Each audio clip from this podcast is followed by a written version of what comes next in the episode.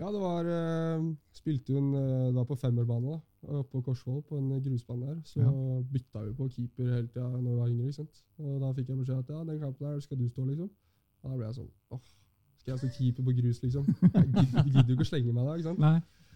Og så kommer vi litt ut i kampen, og så kommer det et skudd da, helt ned i stolperota. eh, ganske nærme og ganske hardt til å være på den tiden. da. Eh, og så uten å tenke meg om, så bare er jeg nede der og redder med hånda, liksom. Og en helt sjuk redning. Og så uh, hørte ikke jeg det selv, da, men jeg snakket med pappa litt senere. Og da sto han på sidelinja sammen med en pappa, og han faren sa da til faren min sa bare Han der, han blir god keeper.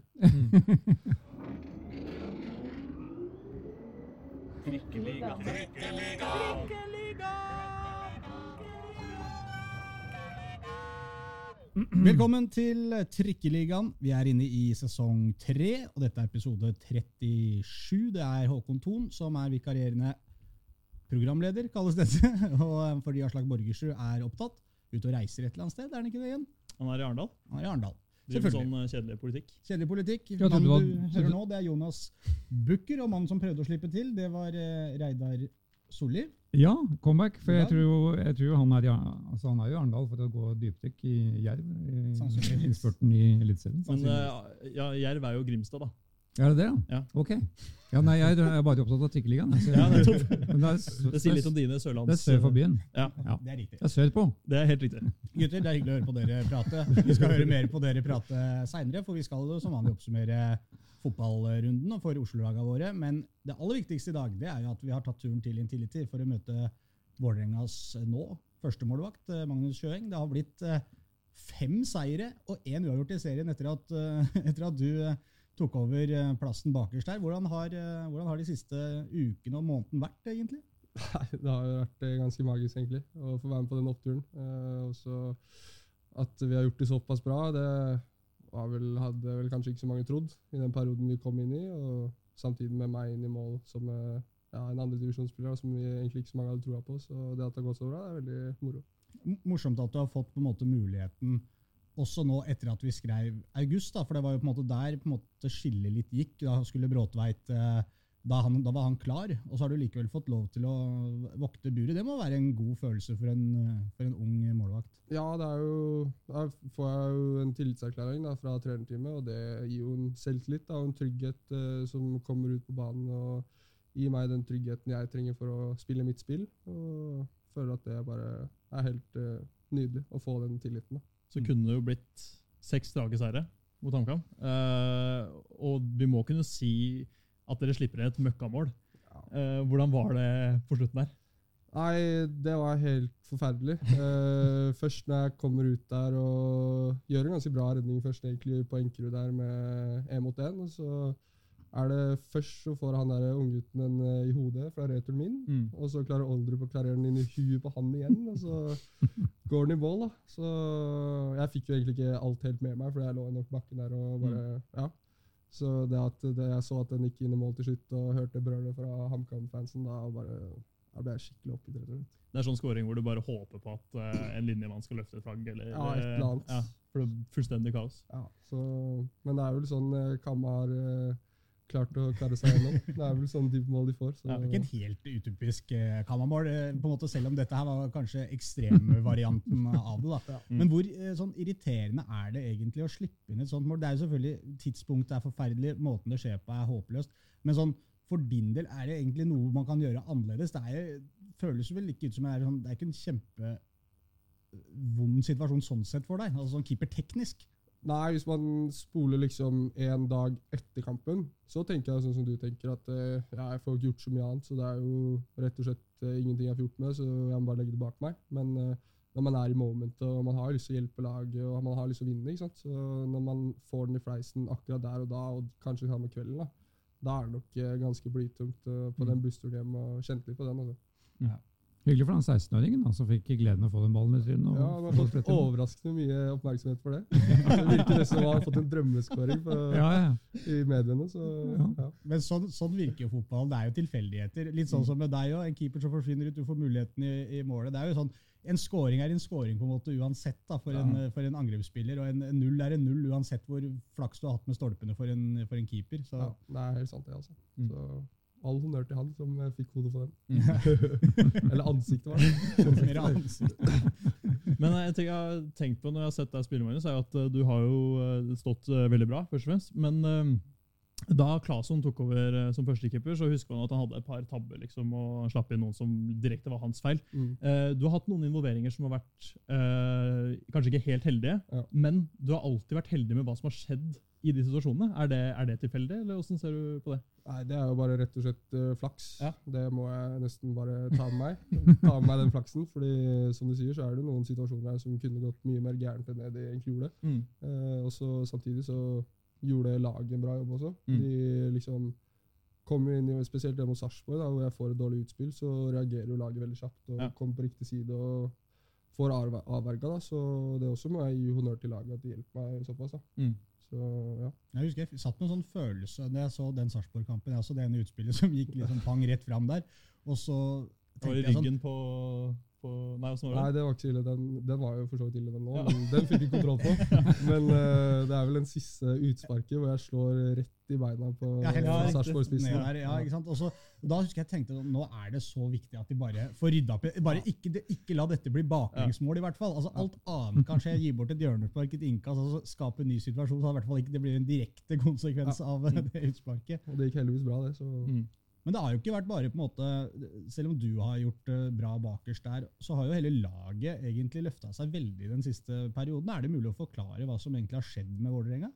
Uh, nei, det er vel som vi egentlig har snakka om gruppa i sammen, at det har blitt en bedre lagmoral, rett og slett. Uh, alle går utpå der og jobber for hverandre. og Som vi snakka om nå, med, hvis jeg gjør en feil, så gir laget 100 for å redde inn den feilen. Og hvis en annen gjør en feil, så kommer de inn og redder, opp den feilen. så tror jeg det er det mest går på, det med den moralen og den liksom jobbe for andre. da. Mm. Jeg tror det er den viktigste faktoren egentlig som spiller inn. Mm. Dere hadde jo eh, Dere kunne gått eh, på en historisk eh, seiersrekke nå hvis dere hadde slått eh, HamKam. Har, du tenkt over liksom hvor, hvor god periode det faktisk har vært for dere? Eller? Nei, som fotballspiller så får man nesten ikke tid til å tenke på det, egentlig. Mm. Kanskje på slutten av sesongen når sesongen er ferdig, så kan vi se tilbake på det. Men uh, vi må bare omstille på hver mandag, egentlig. Når vi Mm. kommer tilbake fra eliteseriekamp, så må vi bare omstille og tenke på neste kamp som kommer neste helg. Du holdt nullen i halvparten av kampene og ikke tapt en eneste eliteseriekamp. Uh, hvordan er det? Det er jo en magisk start. da. Veldig moro. Uh, og så er det som jeg sier, at jeg må jo selv bare nullstille, jeg også, og tenke på neste kamp. Fordi toget stopper ikke å gå selv om jeg spiller bra. Så Mm. Jeg må bare fortsette å prestere og gjøre det jeg kan for å hjelpe laget til å komme seg ut som mulig på tabellen. Det, som, det som slår meg når jeg ser deg i aksjon, er den der vanvittige roen du har. Mm. Altså, er, det, eh, er det noe man trener på, eller er det du bare er sånn som type? Eh, det er nok en kombinasjon. Eh, Jeg har nok alltid vært som en type sånn til syvende og sist ganske rolig person og tar ganske rolig på ting generelt. Eh, men også så har jeg vært gjennom ganske mange hva skal jeg si, ekle og tøffe situasjoner gjennom eh, ja, forskjellige tabber og sånne type ting som jeg har lært veldig mye av. Og ut fra det så henter man erfaring som gjør at uh, man står mye tryggere og mer rolig, da, som du sier uh, bak der. Ja, for Man kunne jo tro at stressnivået økte litt når du skal inn i Eliteserien. Liksom. Du debuterte vel mot uh, Glimt i Ja. den cup- cup-matchen. Og det skal sies, Den kampen hadde da ganske høye skuldre, men eh, det, det som er viktig ja, det, man så ikke det, da. Nei, det er det som er viktig da, som keeper, å spre den roen. Det føler jeg er den, kanskje en av de viktigste egenskapene i keeper. Mm. Eh, Å skape den roen og liksom ikke usikkerheten eh, med ball i beina bak, f.eks. Mm. Eller innlegg og sånne type ting. At man uh, sprer den roen. Uh, Syns jeg er veldig viktig. i hvert fall. da. Så ikke la seg prege av eventuelt de små feilene man gjør. da. Ja. Det er jo Får man eventuelt ta etter kampen. Så Ja. I kampen så kommer det en ny situasjon med en gang, så da må man nesten bare glemme det. Hva er det mest irriterende feilen du har gjort? Gjennom eh, hele karrieren, mener jeg. Eh, det mest irriterende feilen min den er her på Intility. Eh, det var vel eh, første kampen jeg spilte her på Intility. Det var vel eh, jeg tror det var G16 NM-kvartfinale mot Bodø-Glimt. Ja. Så kommer det jo en høy gjennombruddspasning, og så er jo ikke jeg like trygg og rolig som det er nå. da. Eh, så kommer jeg ut da, og tenker å ta den, og så roper jeg jo keeper, men jeg hadde ikke så mye selvtillit på den tiden, så da ble det litt sånn, litt sånn rolig keeper. og så ble det litt misforståelse mellom meg og midtstopperen, så Mm. ender han med å heade den over meg og inn i mål. da. Ja, Og det ok. var liksom, Da ble det 1-0 til Bodø. og Vi vant heldigvis kampen 6-3, da, Ja, okay. men jeg ble bytta i pausen. Nettopp. Jeg hadde ikke en så bra kamp. Så det var nok eh, en av mine tøffeste situasjoner. Så nå, Ja. nå har du lært å rope, rope litt høyere. Ja, Det føles jo litt ut som keepere ofte altså Selv om du er litt usikker, har du først bestemt deg for at du skal gå ut, så må du liksom brøles keeper, Ja. og du må stå i det på en måte litt. Da. For det verste er jo hvis du havner i akkurat den mellomsituasjonen der hvor du jeg, skal, jeg er på vei ut, men jeg veit ikke helt om jeg kommer til å nå denne. Og så skal jeg rope keeper, og så driter jeg meg ut på det, så høres det teit ut. Men du må på en måte Det er all in på en måte. da, Ja. Enten så går man 100% og kliner til, eller er som faren min sier. Enten så blir du stående og tar det valget, eller så går du ut og kliner til. Mm. Det ikke noe, kan ikke være noe midt imellom som keeper. Jeg tror Første kamp jeg så deg spille, det var i fjor eh, på Ekeberg mot eh, Frøya. Altså ikke, Ja. ikke Hvalrossen, eh, som har vært mye omtalt det siste. Men, eh, men eh, da Nei, Fløya er det kanskje. Ja, Fløya. Fløya, ikke sant? Altså, ja, Det er nesten enda verre enn Arendal og Grimstad. Ja, mye verre. Men eh, da fikk du vel et rødt kort der. eh, og under et år seinere er du fast førstekeeper for uh, Vålerenga. Det er Det er, bra reise. Ja, det er en kul reise, det. Mm. Men eh, ja, jeg husker det røde kortet også ganske godt. Det var jo akkurat det vi snakker om, med litt Mm. sånn uh, uheldigheter og heldigheter. Mm. Uh, det var vel en femmeter hvor jeg slo rett i spissen, og så Ja. kom jo han helt alene. og Da må jeg bare komme meg ut og ta det røde kortet. For det var Mm. jo helt på slutten av kampen og 1-1 også, så henta heldigvis et viktig poeng der med det røde kortet. Så Mm. det måtte jeg nesten bare ta. Men tilbake til den Glimt-kampen, for det føler jeg på en måte er ehm, Selv om dere røyk ut av cupen, så er det starten på snuoperasjonen denne sommeren. fordi eh, det var jo ingen som tenkte på at Vålerenga ikke var med i cupen lenger, fordi du debuterte og gjorde en såpass god debut. Mm. eh, og det starta liksom positiviteten i, på sommeren. Er du, er du enig, eller hvordan ser du på det? Uh, nei, jeg kan vel si meg enig i det. Mm. Uh, men samtidig så føler jeg også at uh, laget i seg selv gjorde ganske bra kamp. Mm. Det jo, ble omtalt mye at vi lå mye nede lavt og alt det der, men eh, det er jo sånn det blir når vi har hatt en dårlig periode, og Mm. Bodø-Glimt er inne i en såpass bra periode som de er. Så da ble vi liggende lavt, men vi lå bra Mm. og forsvarte oss veldig godt. Og så hadde jeg selvfølgelig noen gode inngripener også, Mm. men uh, det er jo sånn det er. Man, er. man er jo en del av laget, så da må man hjelpe til det man kan. Uh, så at det var starten på en bra periode, det er det ingen tvil om. Og så er det jo um, Det kan ha noe med at det var lenge siden uh, Vålerenga hadde vunnet eh, den, eh, den gangen, men da du redda den straffa Det er lenge siden jeg har hørt et så høyt jubelbrøl. Altså. Det, det var heftig. Ja, men det fikk jeg faktisk ikke med meg Nei. der og da, liksom, da jeg redda straffen. fordi da var jeg helt i ekstase selv. Selvfølgelig. Men uh, når jeg så det på reprise sånn etterpå, så ja, Det var imponerende Ja. hyl, altså. Ja, det var heftig. Det, det var, ja. Men jeg tenker på noe, sånn, Hvis du er keeper, og så spiller man for et lag som enten da legger seg dypt eller veldig offensivt, da presser høyt og har mye ballen selv. De, vi ser for oss de to scenarioene Mm. hvor på en måte de sjansene som kommer mot når laget ditt står høyt, da er det eh, bakgrunnsballer, én-mot-én-situasjoner og de tinga der. Mm. Eh, og det motsatte er jo at det blir mye innleggssituasjoner og, og mer å håndtere for en keeper. Altså, hva slags kampbilde liker du best? Altså Bare som målvakt, ikke som på en, en del av Vålerenga, men som en keeper. Uh, nei, personlig så syns jeg det er mer rett og slett moro, med mye innlegg og mye skudd egentlig rundt 16-meteren. Mm. Eh, vi har jo spilt en del kamper mot eh, Alta blant annet, og der har vi blitt trykka ned og trykka ned og trykka ned og eh, ligget og forsvart oss lavt hele kampen nesten. Mm. Og da blir det masse innlegg og ut i feltet og masse forskjellige redninger, så det å bli trykka ned egentlig syns jeg er det morsomste eventuelt. da. Ja, det var egentlig det jeg lurte på. for Jeg også føler at både keeper og forsvarsspillere ofte er veldig glad i de situasjonene der hvor du kan holde deg varm hele tida. Det er da du kan spille på en måte din aller beste fotballkamp. da, Hvor du kan virkelig stå fram. Når det er det motsatte kampbildet, så er det litt sånn Nå må jeg redde denne ene sjansen, og det er det eneste jeg kanskje skal gjøre i hele kampen. Og så slipper du inn den, og så går du av banen kanskje med en seier, men som keeper så føler du liksom Uff, jeg hadde null redninger i dag, liksom, og jeg slapp inn ett. Det, det er ikke noen god følelse, det. Nei, Det er derfor det er ganske imponerende å se på Alison og Ederson. De har jo ikke særlig mye å gjøre, men når de først kommer og får en sjanse, så er de ofte der liksom. Ja. Og det å ha, holde en konsentrasjon i 90 minutter selv om det ikke egentlig er så mye involvert, det er faktisk imponerende.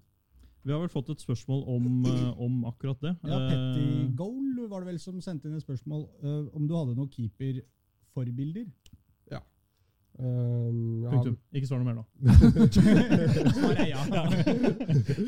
Eh, nei, det har vel når jeg har vært yngre, så har jeg vel ofte sett opp til Casillas. Ja. Det har vel alltid vært han som har vært uh, forbildet mitt, når jeg var yngre.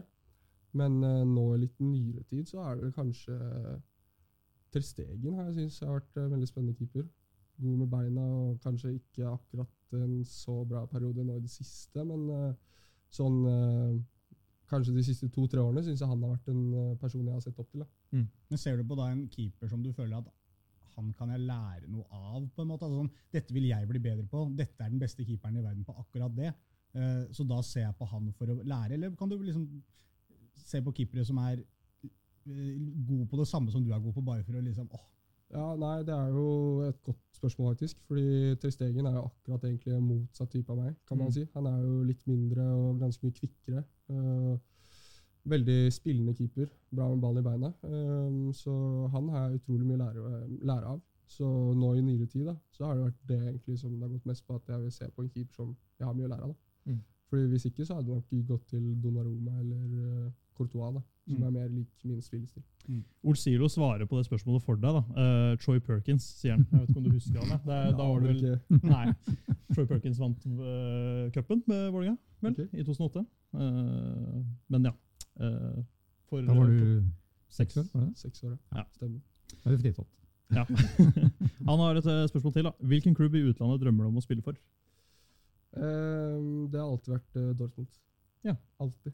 Alltid Dortmund. Hvorfor, hvorfor det? Eh, eller det var vel rundt 2010-2011-2012, når det var Marco Reus, eh, Mario Götze og Lewandowski Mm. som mm. herja rundt der.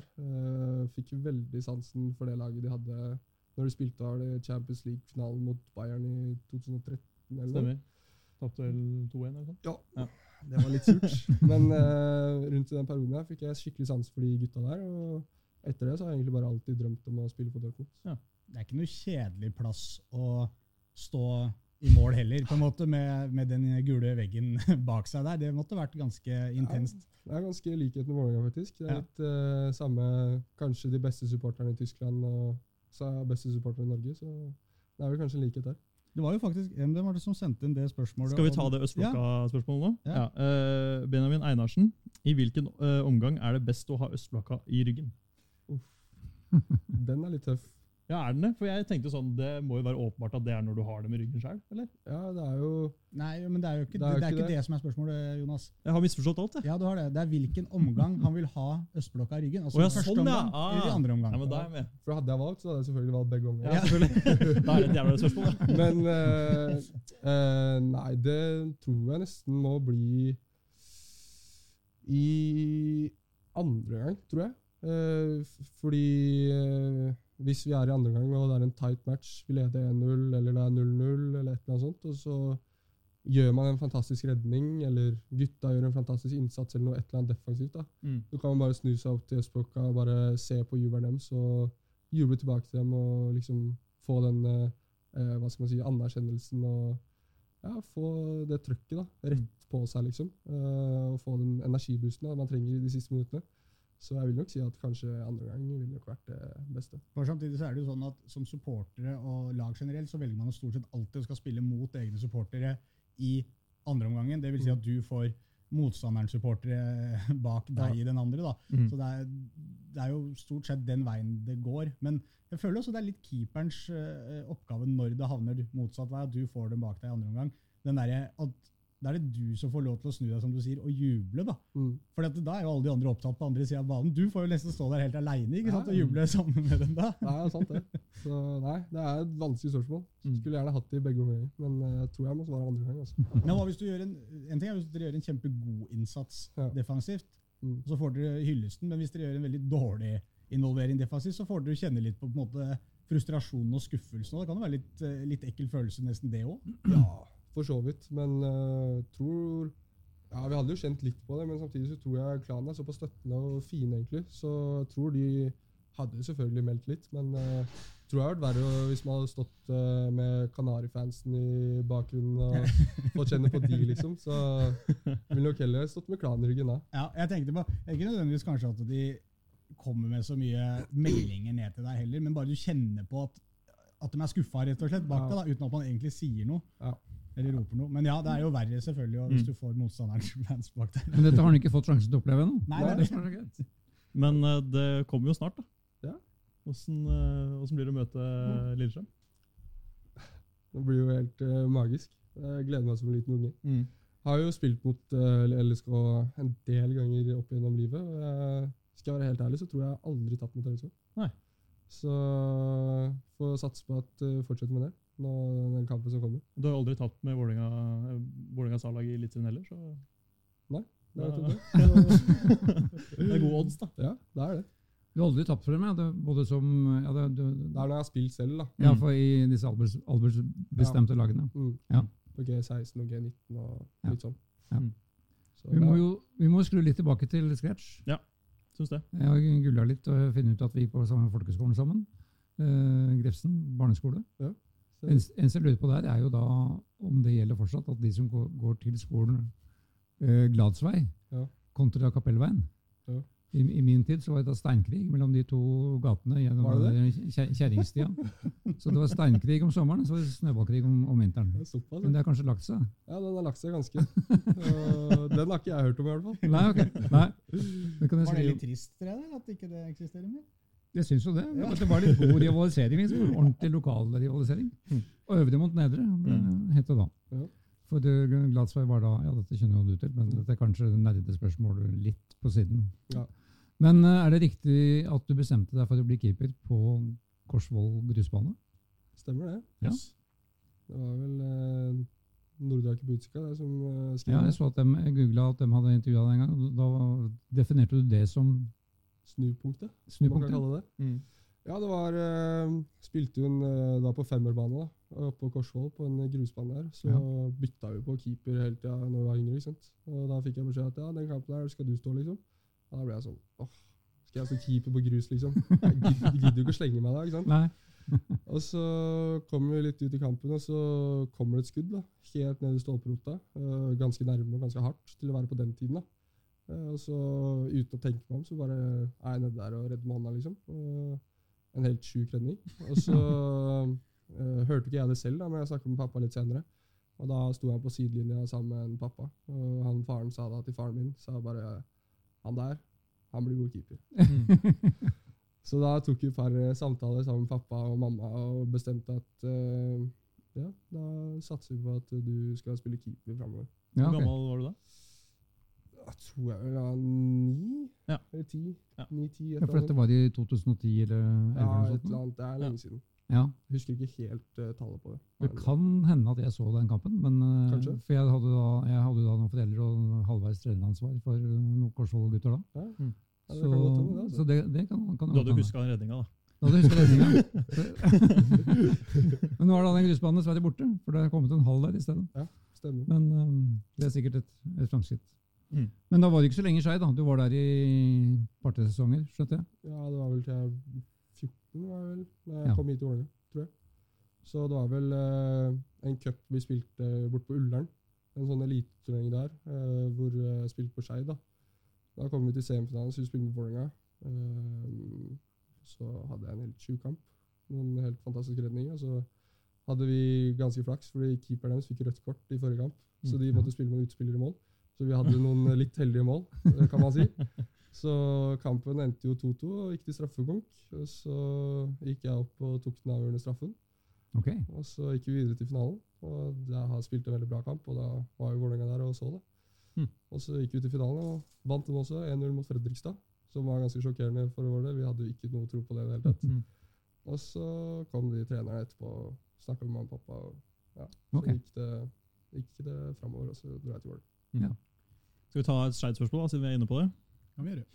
Uh, eller først må vi ta det som er viktigst for den. Uh, Jonny Normal Olsen spør ananas på pizza, ja eller nei? Ja. ja.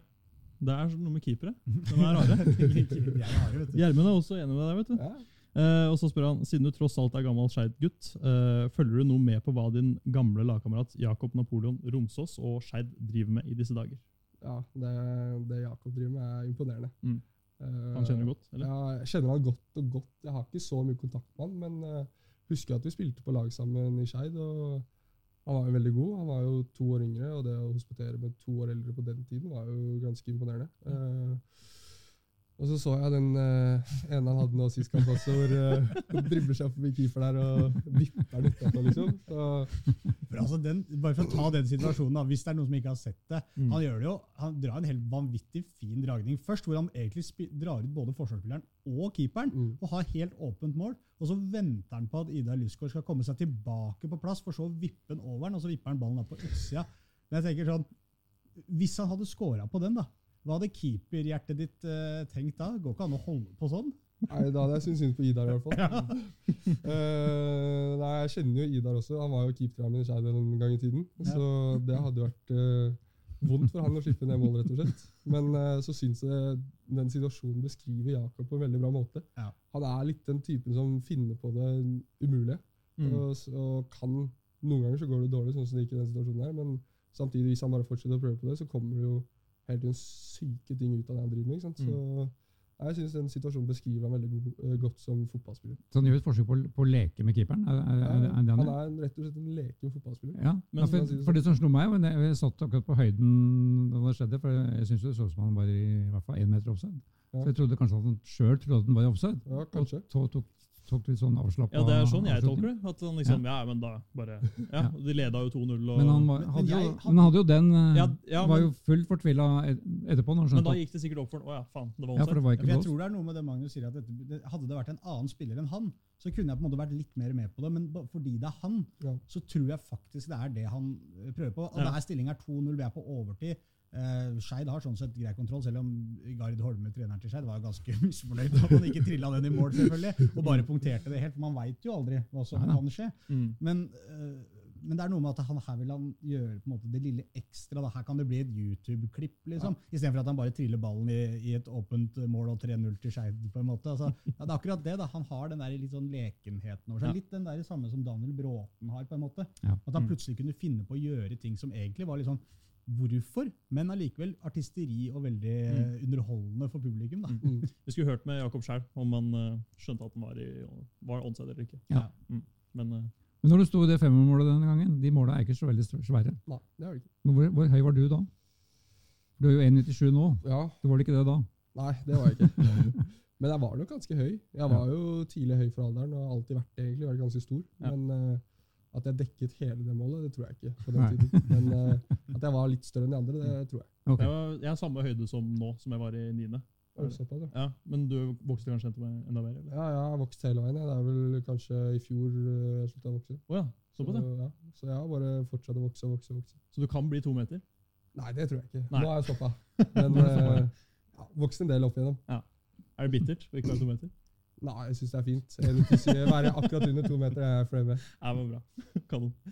Hva, um, skal vi ta et nytt uh, lytterspørsmål når vi er i gang? Hvilke farge skal, eller hvilken da, farge skal fotballsko være, og hvorfor er det svart? Spør Ole Kristian Sandvik. Uh, jeg er jo enig med han. Uh, stort skal det ikke være. Eller skal jeg være helt ærlig for min del, så har det ikke så mye å si. Så lenge det er bra fotballsko, så er jeg fornøyd. Ja. Det er egentlig det viktigste for min del. Ja, for han mener at det skal være svart. Da er, Ja. da er du uenig? Ja, eller uenig og uenig. Jeg, om Det er det er svart, om Ja. det er hvit eller grønn eh, Så lenge det ikke er rosa, okay. så går det fint. Okay. Men rosa, det nekter jeg å gå med. Hvis det hadde vært dritgode sko Ja Tror ikke det, altså. mye har egentlig skoa si for en keeper? De har faktisk utrolig mye å si. Eh. Jeg har vært inne i perioden periode nå hvor jeg har vært litt og bytta litt sko og holdt på litt. Fordi jeg har rett og slett eh, hadde et par sko som jeg hadde i over et år. Som jeg er utrolig fornøyd med, og pasningene satt, og alt gikk som en drøm. Og så kom det en ny modell fra Adidas, da, så skulle jeg bruke de, og da, da ble det noe helt annet.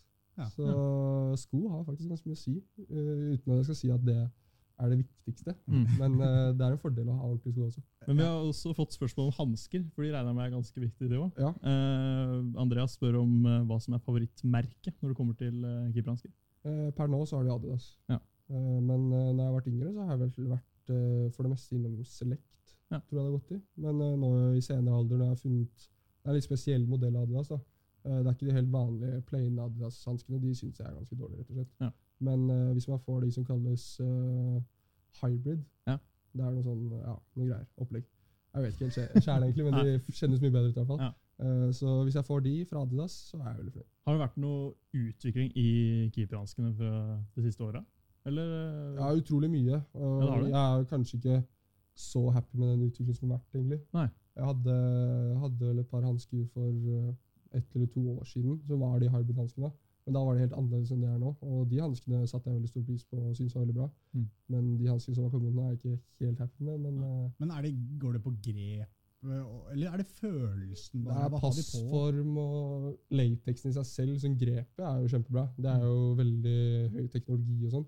Men uh, de holder mye kortere nå. uh, og så blir det jo dyrere. Mm. Og de er liksom De har en annen passform enn jeg hadde før, liksom. Så jeg syns at uh, keeperhanskeutvikling går litt i feil retning, men eh, det får ikke jeg gjort så mye med. Men det samme, altså når du holder kortet, er det samme sånn at du føler du har litt sånn innkjøringstid på hansker òg? Så at du får ha dem for kort periode hvor de egentlig er på sitt beste, eller? Det syns jeg ikke. Nei. Hansker sånn sett det er ikke, så, det er ikke det samme som fotballsko. Hansker får man rett på seg, og så funker det egentlig like bra. Ja, okay. Men uh, det er litt kjipt at hanskene varer såpass kort som de gjør nå. Mm. Fordi hvis man eh, bruker de hanskene som har kommet ut nå, så er det ja, en treningsuke, maks to. Så er liksom et par brukt opp, liksom. Det Så, ja. så det blir en del hansker i løpet av et år, for å si det sånn. Eh, samme mann? Jeg husker at det var, jeg at det var uh, et, et par keeperhansker som kom en gang da jeg var ung, som hadde, som hadde sånn metallsteng Eller ja, Ja, sånn Fingersave. ja. Ja, ja, Ja. Fins det fortsatt? det fins fortsatt, det. vet du. Ja, ok. Jeg trodde det ble forbudt. Jeg, fordi at det var sånn, hvis du var ute og boksa, Ja, ja, det liksom, så traff du en i huet med metallhansken. Men det Ja. fins. Jeg tror ikke det er så populært å bruke det, Nei, men det finnes fortsatt. ja, det gjør det. Men jeg tror de har gått over til plastikk, faktisk. Så Ja. det er ikke metall lenger. Men fortsatt Men- høres vondt ut. Men hvorfor blir det så utslitt så kjapt? Er- Tåler de ikke skudd? Og Uh, nei, det er jo Aner ikke. Det er slipper jo stramheten og mye opp og ned, da. Skraping langs bakken og Ja. Det er nok det det går på, at de blir liksom skrapa bort langs bakken og blir slitt sånn sett. da. Kanskje burde sli- skra- slipt mer på kunstgress òg, kanskje? Enn gress? eller? Jo, ja, faktisk. Ja. Det er et godt poeng. Jeg var jo på landslagssamling en gang, og da tok jeg med meg dritmange par, fordi jeg tenkte jeg kommer til å bruke opp et par uker. liksom. Men da holdt de mye lenger. Så Ja. det har nok noe med gress kontra kunstgressør også. Ja. også. Andreas spør også om uh, hvor du drømmer å være om om uh, tre år. Om tre år. Mm. Det var Um, ikke en som spurte om fem år. Du kan ta Ta, ja, kan ta, ta både tre hvor drømmer du å være i framtiden? I framtiden Ja. så drømmer jeg om å som jeg sa, være i Dortmund. da. Ja. Det er jo den store drømmen. Mm. Uh, men Er det om tre eller fem år? Mm, forhåpentligvis tre. Ja.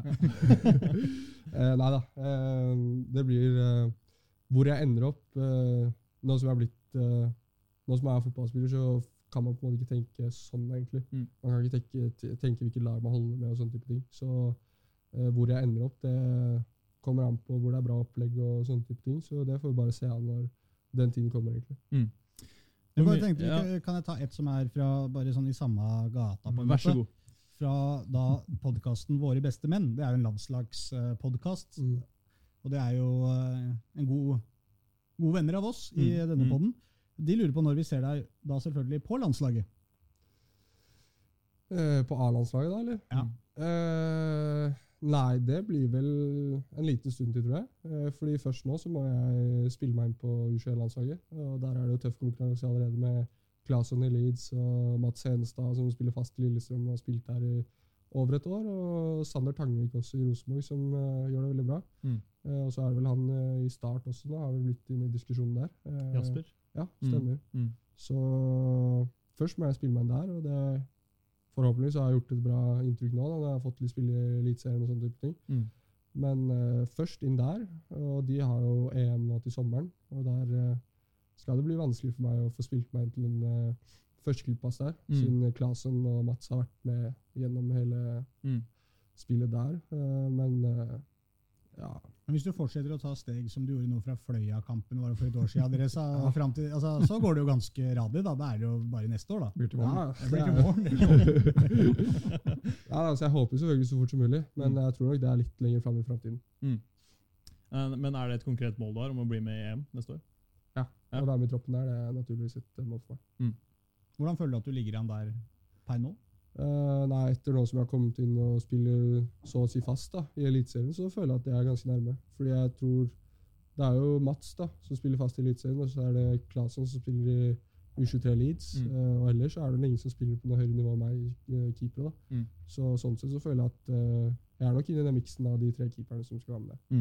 Eh, Bjørn eh, Hagberg eh, tipper han er Lillestrøm-fan. Hva skal til for at du blir like god som Mats Hedenstad Christensen? uh, det er vanskelig å si, fordi vi er to helt forskjellige keepere. Mm. Uh, igjen så snakker vi om han er litt mindre og kanskje litt tjukkere, og, uh, og jeg er litt større og god rekkevidde og sånn. Mm. Men jeg tror nok jeg begynner å nærme meg nivået hans ganske straks. Altså. Hvis jeg fortsetter å ut utvikle meg sånn som jeg har gjort nå det siste året. Som bare scorer på overtid snart. Ja, det er sjukt, altså. Ja. Det er, og det er ikke bare at han scorer, med måten han gjør det på. Ja, ja, ja. At det er så tørr å ta ned på kassa der og så legge den venstre. Det er, er rett og slett imponerende gjort. Mm. altså. Men det som jeg synes var litt uh, artig med akkurat den sekvensen her, også var at han beveger seg på en måte litt som en sånn typisk spiss i en Mm. sånn situasjon. Alle går i den ene duellen. Det er veldig ofte at keeperen havner i den samme Ja. smørja som alle de andre, fordi du, det er ikke det du har trent på. Men han er liksom lur og steller seg liksom vekk fra hele situasjonen og, og får ballen aleine der. Og som du sier, når han først står der, så er han såpass rolig. Ja. Mm. For da er det jo sånn, dette er jo min ene sjanse. Ja. Det er jo det en keeper tenker, og så brenner du til over, og så er det ingen som egentlig tenker noe mer over det, for han er jo målvakt. Ja, det er det. Nei, men Han har jo en eh, tendens til å skåre sånn type mål. Han var vel så en kamp var det G19 eh, NM en gang i kvartfinale eller semifinale, eller noe, så skårte han på overtid der òg og Mm. sendte til straffespark. Så eh, han har en tendens til å skåre disse målene. Har du skåra som keeper? noen gang? Aldri. Nei. Så Det håper jeg skjer en gang, men det er tøft. Men du har vært med på noen på overtid og sånn? På å bli satt opp på corner og sånn? eller? Aldri, Nei. faktisk. I Skei, da. Ja, ja. Da jeg spilte i Skeid, da var det litt mer hva skal man si, fritt og Ja. litt sånn lekent. Men her i Vålerenga har jeg aldri blitt sendt opp på en corner, faktisk. Da valgte du sjøl om du vil bli med på corner eller ikke? Rett og slett. Da var jeg kaptein i hele pakka, så Ja, okay. da var det bare å sende seg selv opp. Skeid har jo den eneste landslagskeeperen i Norge som har skåra på straffespark. Oh, ja. Kjell Kaspersen på 60-tallet. Han ble sendt opp på å ta straffespark for Norge. Ja, i, ikke i konk, men i uh... Nei, i kampen. Ja. Ja. Selve kampen. Jøss. Straffa, den tar Kjell Kaspersen. Fikk du med deg det, det målet som han uh, i Sotra-keeperen hadde tidligere i sesongen her også? Nei, det tror jeg ikke jeg har fått med Jeg har for Morten Grasmo, måtte jeg søke opp her nå, Mm. eh, som skårer på brassespark. I, eh, på aller siste sekund Ja. så går det opp å, å skåre brassespark mot Ullern. Ja, mot Ullern, altså. Ja. Det er Med, med venstre. Feil fot. Ja, ja. På Helt vanvittig Ja, brassespark. jo, jo, den har jeg sett. Ja. Ja. du. Den har jeg sett, vet du. Det er så sjukt. Det, Ja. Og det er jo ikke bare, Han står jo ikke rett foran mål, eller han står litt Nei, ja, eh, 15 meter ja, igjen. ja, Så det er rett og slett imponerende. Jeg satt jo og så på den kampen, og som jeg sa her i en eller annen episode når vi gikk gjennom dette, så, så var det jo litt sånn at jeg, jeg så det skjedde, men reagerte egentlig ikke på det. Mm. Før det gikk to-tre sekunder, for jeg tenkte hva all verden var det jeg så nå? Mm. Han brasser jo og sparka inn målet. Det var keeperen av alle, liksom. Det var jo helt vilt. Ja, Det var jo sjukt, faktisk. Det husker kanskje du også, Magnus, men uh, Gudmund Kongsand skåra jo for uh, Vålerenga på overtid en gang. Jeg kan ikke si at jeg har sett målet, men Nei. jeg har, eh, Ja. han henger jo på veggen borti her. Så, Ja, riktig. Ja, ja, det står ett mål, ja. Ja. ja. så det, så det har jeg fått med meg. ja. Det er bedre det enn Joshua King, null kamper, null mål. Ja, faktisk. Men jeg tror faktisk eh, det ble kreditert som selvmål, det til Kongsand. Men, Det ble eh, men altså, okay. det var jo han som headband, på en måte. Så, Ja. Men jeg tror han tar den som et mål selv. Det Altså. hadde, Ja, ikke det- blitt, det hadde ikke blitt scoring uten hans, Nei, det kan vi hans si. inngripen. Nei, men han var ikke kaptein og sendte seg sjøl opp. Vi må skyte med det spørsmålet som jeg alltid lurer på om gjelder keepere og Ja. straffespark. Hvorfor blir den ikke stående? Altså, lønner det seg å velge side, eller lønner det seg ikke? Hvorfor har ingen funnet ut sånn statistisk noe av det? Eh, nei, det er jo noe vi jobber med nå. da. Før Ja. kamper så analyserer vi jo alle som tar straffer. Ja. Eh, så nå på forhånd så kan jeg vite om han stopper opp, eller om han ikke stopper opp. da. Så det kommer aldri, veldig an på hvem som tar straffen. Okay. Så hvis vi analyserer før kampen at han har bestemt seg før han skyter, så går jeg jo blindt. Men hvis jeg, vi vet at ja, han står og ser på keeperen, da blir jeg stående og vente. Ok.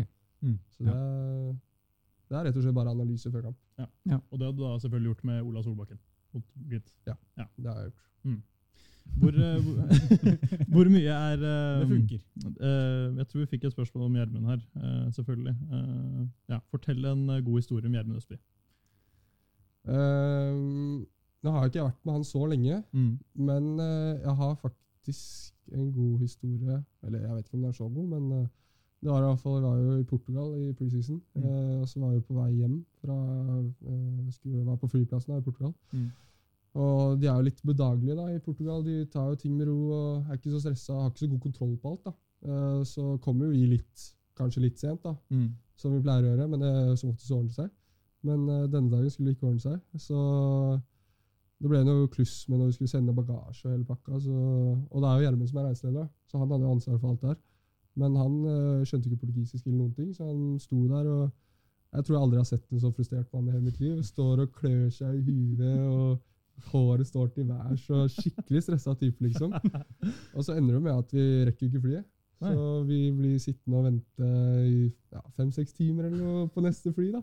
Og så er det noen som må mellomlande i München, mens andre må mellomlande i Frankrike. Ja, for det var hele laget? Ja. Ja. Mm. Så jeg tror det var fem-seks stykker som rakk flyet, Mm. som bare sendte bagasjen selv, og så gikk på flyet. Men eh, resten av laget som måtte ta ansvar for resten av bagasjen, måtte jo bli igjen og vente og kose seg litt i Portugal et par timer ekstra enn det man skulle.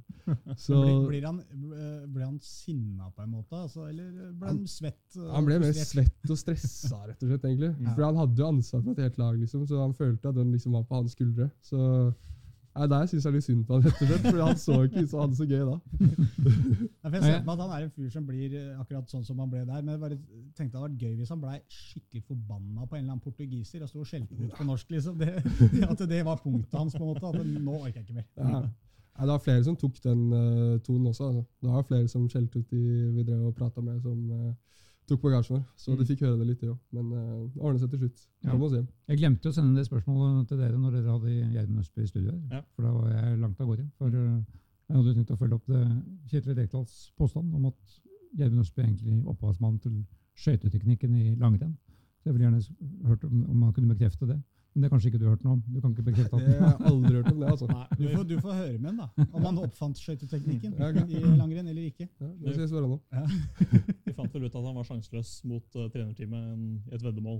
Det var vel det vi Ja, det var det det var, at han skulle gå noe langrenn der, ja. Mm. Ja, det men den historien har jeg hørt. da. Ja. Fortalte ikke han den i podkasten? Jo, jo, Jo, jo, det er det. Ja. Så det var Det det, vi, det vi endte opp å snakke med. Men uh, vi har ikke snakka så mye om han uh, godeste PK som har kommet igjen og, og ikke fått spille. Åssen har dere snakka om det? holdt jeg på å si? Eh, nei, eh, det er jo Vi må jo rett og slett være profesjonelle begge to. Eh, selv om han ikke får spille her i Vålerenga enn så lenge, da, i hvert Mm. fall, så er jo ikke karrieren hans over. Mm. Så han må jo være profesjonell og eh, tenke på sin utvikling, hvordan han kan bli bedre selv om han ikke får spille da, Mm. på andre måter. Eh, og så må vi bare, ja, som jeg sa, være profesjonelle. og Vi er jo gode venner utenfor banen. Mm. Vi spiller en del golf sammen faktisk, og har en veldig god tone. Så det føler jeg blir veldig viktig for oss to, Ja. selv om det er en konkurranse der. Begge to vet det. Men samtidig så er det for å lage et godt keepermiljø og få den gode keeperutviklingen. da. Mm. Så må man ha et godt miljø også. Så det føler jeg PK og jeg da, Mm. er veldig godt inne med. Eh, Så han er profesjonell der, altså. Mm. Det skal han ha. For det var jo en som sendte inn et spørsmål faktisk, som kaller seg Kåre Pistol. Som spurte, Det er litt ledende spørsmål, da, men hvordan har det har det at Bråtveit har kommet inn, hevet deg? Men det kan jo heller eh, snu på det litt og bare altså, Har det hevet, uh, Ja. hevet deg? Uh, jeg syns ikke det har hevet meg noe sånn spesielt, egentlig. Fordi jeg føler at uh, jeg må tenke på meg selv hele tiden, og da må jeg hele tiden pushe meg selv videre. Uh, så naturligvis at det kommer inn en god keeper som pusher meg sånn sett at jeg må være god. Det hjelper jo, det òg. Men samtidig så føler jeg at hvis han ikke hadde kommet, og jeg fortsatt hadde stått der eh, og ikke hatt den utfordringen, så føler jeg fortsatt at jeg selv hadde tatt den utfordringen og pusha meg selv videre. Da. Mm. Så sånn sett så føler jeg ikke han i seg selv har liksom gjort at jeg har tatt en utsteg. Da. Mm. Det steget tror jeg hadde tatt egentlig uansett. Da. Mm. Men det kan være enklere å ta det med en fyr som han ved siden av, som det virker som du har god tone med, som Ja. du sier også. da, ikke sant? At man, sammen, at man blir bedre sammen. Det er jo det som på en måte er keeperduoens, eller keeperteamets uh, Ja, og Det er det jeg føler har vært en gjenganger da, i gi- de keeperteamene vi har hatt. Når vi hadde Claesson og vi har hatt Kjetil. og At vi som en keepergruppe har vært, eh, selv om vi konkurrerer om samme plass, så har vi vært veldig gode kompiser utenfor. Mm. Og har liksom klart å hjelpe hverandre og se bort ifra den konkurransen. da, Selv om man vet at den er der. Begge, Alle har lyst på den plassen, men man må tenke på seg selv først og fremst. Og så må man også tenke på, for hvis man gjør de andre bedre også, så er det jo lettere for de å bli solgt videre. Mm. Og da blir det jo lettere for meg å ta en plass opp som det har blitt nå. da. Mm. Ja, og igjen så vil det bli lettere for deg å bli solgt igjen seinere, fordi at andre klubber ser at de keeperne som kommer fra Mm. den klubben der, de er faktisk, det er det faktisk høyt eh, nivå på. da. Ja. Ja, altså hvis vi, hvis vi tar utgangspunkt i de to gutta, altså Klasen og Haug, Claesson og Haug, så er det ikke jo lenge til du forsvinner. Magnus. Vi får se. Jeg er fortsatt i Vålerenga, så Men det er stor forskjell på keep, som keepertyper på deg og Bråtvedt? Um, sånn rent uh, på banen, liksom. Mm. Ja, det er veldig stor forskjell. Uh, han er jo ganske mye mindre enn meg, så han er ganske mye rappere i føttene og rask i forflytningen. Mens jeg stoler nok litt mer på rekkevidden. Uh, det blir jo naturlig, da. Så jeg har nok mye å lære av han i forhold til forflytningsevne og sånne type ting. Eh, og så har han nok et hakk opp med ballen i beina, rett og slett. Som okay. jeg har snakka om, litt, eh, litt usikker noen ganger med beina. Så Mm. det er noe jeg må jobbe veldig med. Det er nok det punktet jeg må jobbe mest med Mm. for å ta det neste steget. Men du har vanvittig tilslag, da. Ja. Når det treffer, så treffer det bra. Så det er bare å få den, uh, få den jevnt over og treffe det hver gang, så Mm. kommer det til å bli bra. det. Gjermund har jo snakka om Da han var hos oss, så sa han jo at uh, tillit er alfa og omega for en keeper. Eh, hvordan har dialogen vært nå de siste kampene? Er- Har du liksom fått beskjed om at du står uansett nå, eller åssen er det? Uh, nei, det har jeg ikke fått beskjed om. Uh, det har vært uh, konkurranse gjennom uka, Mm. eh, men eh, det har vel vært på torsdager. Da har vel jeg fått som oftest beskjed om at ja, du spiller på Ja. søndag, liksom. Mm. Eh, fordi For igjen å få den tryggheten som du snakker om, da, få den selvtilliten inn mot kampen. Mm. Eh, så jeg har jo fått vite det eh, ganske tidlig, Ja. men samtidig så har det ikke vært noe sånn Nå er du førstekeeper, liksom. Så Skjønner. det har ikke vært noe ja. Mm. sånn. Har du fått noen meldinger fra Kjetil etter at han dro? forresten? Faktisk så snakka jeg med han her om dagen. Ja. Eh, han, eh, de har jo starta serien sin nå. Mm. Uh, han er jo, sitter på benken, da, dessverre. Mm. Men uh, det han uh, dro fra mest, var jo den varmen som er der. Ja. Det er jo hva var det han sa? Det var 35-40 grader hver dag. liksom. Sikkert litt som det er akkurat her akkurat nå, Ja. i saunaen. Ja, det er det. det. Og det å trene i det hver dag, det tror jeg nesten ikke jeg hadde klart. rett og slett. Nei. Det er helt forferdelig. Det, Mm. bare det når jeg trener ute her nå, så er det vel kanskje jeg vet ikke, 25 grader eller noe. Ja, i hvert fall. Og det, det holder for meg, liksom. Mm. Så det at jeg skal til noen eh, sydlige land i framtiden, det, det får vi se på. altså. Ja, da passer Jeg Tyskland bra. Det er jeg, ikke tror så jeg, var, jeg tror jeg varmer i Dortmund. Du tror det? Ja, enn det er her. så alt altfor mye, vel? Nei, er. Nei, ikke si noe dumt om. Dortmund. Ikke ødelegg drømmen her, Det er da. kjempefint, det. Uh, nei altså, Men det som uh, sjokkerte meg mest, var jo at de spiller kampen sin midt på dagen. Ja. De spiller kampen sin klokken tre. Ja. Og da er det jo kanskje varmest av alt på dagen. Selvfølgelig. Så, Men det holder de da kanskje hele sesongen, eller? I Li- Ligue Ø? ja, det, det vet jeg ikke om. Nei. Men i hvert fall de første kampene de har spilt nå, var klokken tre på en lørdag. liksom, så det det står jo, står jo kanskje midt i solsekken i tillegg. Ja, Mm. Det er jo så 50. det, er litt, eh, det var litt sjokkerende, egentlig. Da kan det være greit at, eh, at kampen foregår på den andre banehalvdelen. At det blir lite å gjøre Ja. bak der. At det blir én-to overganger som du må gjøre noe. Da er det fint å stå litt stille og slippe å være så mye aktivitet. Det blir spennende å se, i hvert fall. dette her. Det har vært eh, en hyggelig prat. Jeg vet ikke om vi har- Vil vi innom noe mer? Jeg har noe mer, jeg. Ja. faktisk. Jeg fikk tips fra Tina. Ja, det gjorde du. Eh, er du singel? Nei, Nei? det er jeg ikke. Eh, faktisk ganske nytt. Ja. Eh, gikk inn i et forhold for kanskje ja, en drøy måned siden, Ja. så det er ganske nytt. Og det er utrolig hyggelig, det. Da, livet smiler for deg om dagen. Ja, rett og slett. Det er ikke mye jeg har å klage på om dagen. altså. Først få debuten i Eliteserien og for A-laget, og så få seg damer rett etter det. Så, nei, livet smiler om dagen. Ja. Nå, nå skal jo temperaturen skru seg ned et par grader også, så da blir det enda bedre. Da blir det enda bedre.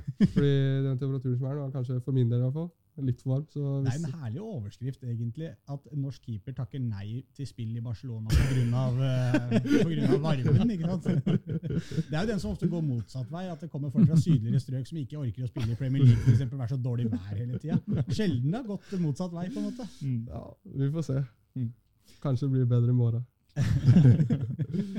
Så uh, tipsa Tina om at uh, du, du står mye aleine på feltet, stemmer det? Ja, Eller etter trening osv.? ja det blir jo en del eh, timer å jobbe med beina. da. Mm. Eh, Fordi det er jo det som jeg snakka om, at jeg, jeg vet ikke om jeg sliter med det, men det er jo der jeg har mest å hente. Ja. Så har nok uh, vært et par prater med både Fagermo og Gjermund, og de har bedt meg om at uh, hvis du skal liksom ta det neste steget og få den faste plassen, mm. så må det bli bedre med beina. Ja.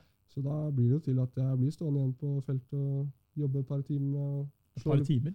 Ja, par timer kanskje. Ja, hvordan, hvordan, hvordan trener du da? Eh, det varierer veldig. Eh, det kommer an på om jeg får med meg f.eks. Storm, da. Ja. Eh, eller om det bare blir meg. Men eh, som oftest hvis jeg står alene, så blir det rett og slett bare legge inn ballen på femmeteren og slå femmetere. Mm. Ok. Eh, og bare jobbe med treffpunkt og hvordan Ja. jeg skal treffe der. Og så hvis jeg får med meg Storm, så jobber jeg litt mer med litt touch og kortpasninger og litt pasninger ut i bekk og Mm. litt mer sånn halvliggende eh, ristpasninger. Mm. Så veldig stor variasjon egentlig i treningene. Jeg har sett en sånn øvelse hvor eh, Gjermund liksom stiller seg en plass, og så skal dere bare slå på han. Ja. Er det noe sånn at hvis dere bommer, så må dere slå flere? Eller? Nei. Nei, det, som oftest blir det konkurranse, da. Ja, riktig. Mellom, eh, det kommer an på hvem som er med, da. Men Mm. det blir ofte konkurranse hvor det er en uh, cola inne i spillet. Ja. Så, Det er såpass innsats, ja. ja, det er imponerende å ha med såpass mye. Det høres litt ut som en sånn barnefotballtrening. Fikk alltid en sånn liten yr Nei, y, nei hva heter det? Skyr, Eh, eller skyr, skyr, Ja. skyr. Eh, ja, nei, tenker? Yt, tenkte jeg på. Yt, ja. Ja, ja. Det var liksom premien. Ja. Eh, og så sjekka jeg Facebooken din, og så skjønte jeg at du har en, du har en stolt far. Ja. Eh, som eh, er med og heier og deler det meste som er. Hva, betyr det? Og familien osv. Nei, faren min eh, for utviklingen min, det betyr alt. Ja. Han er nok den aller viktigste støttespilleren jeg har hatt opp igjennom. Mm. Eh, til tider så har han vært ganske tøff for meg, og kjørt meg ganske hardt mentalt. da.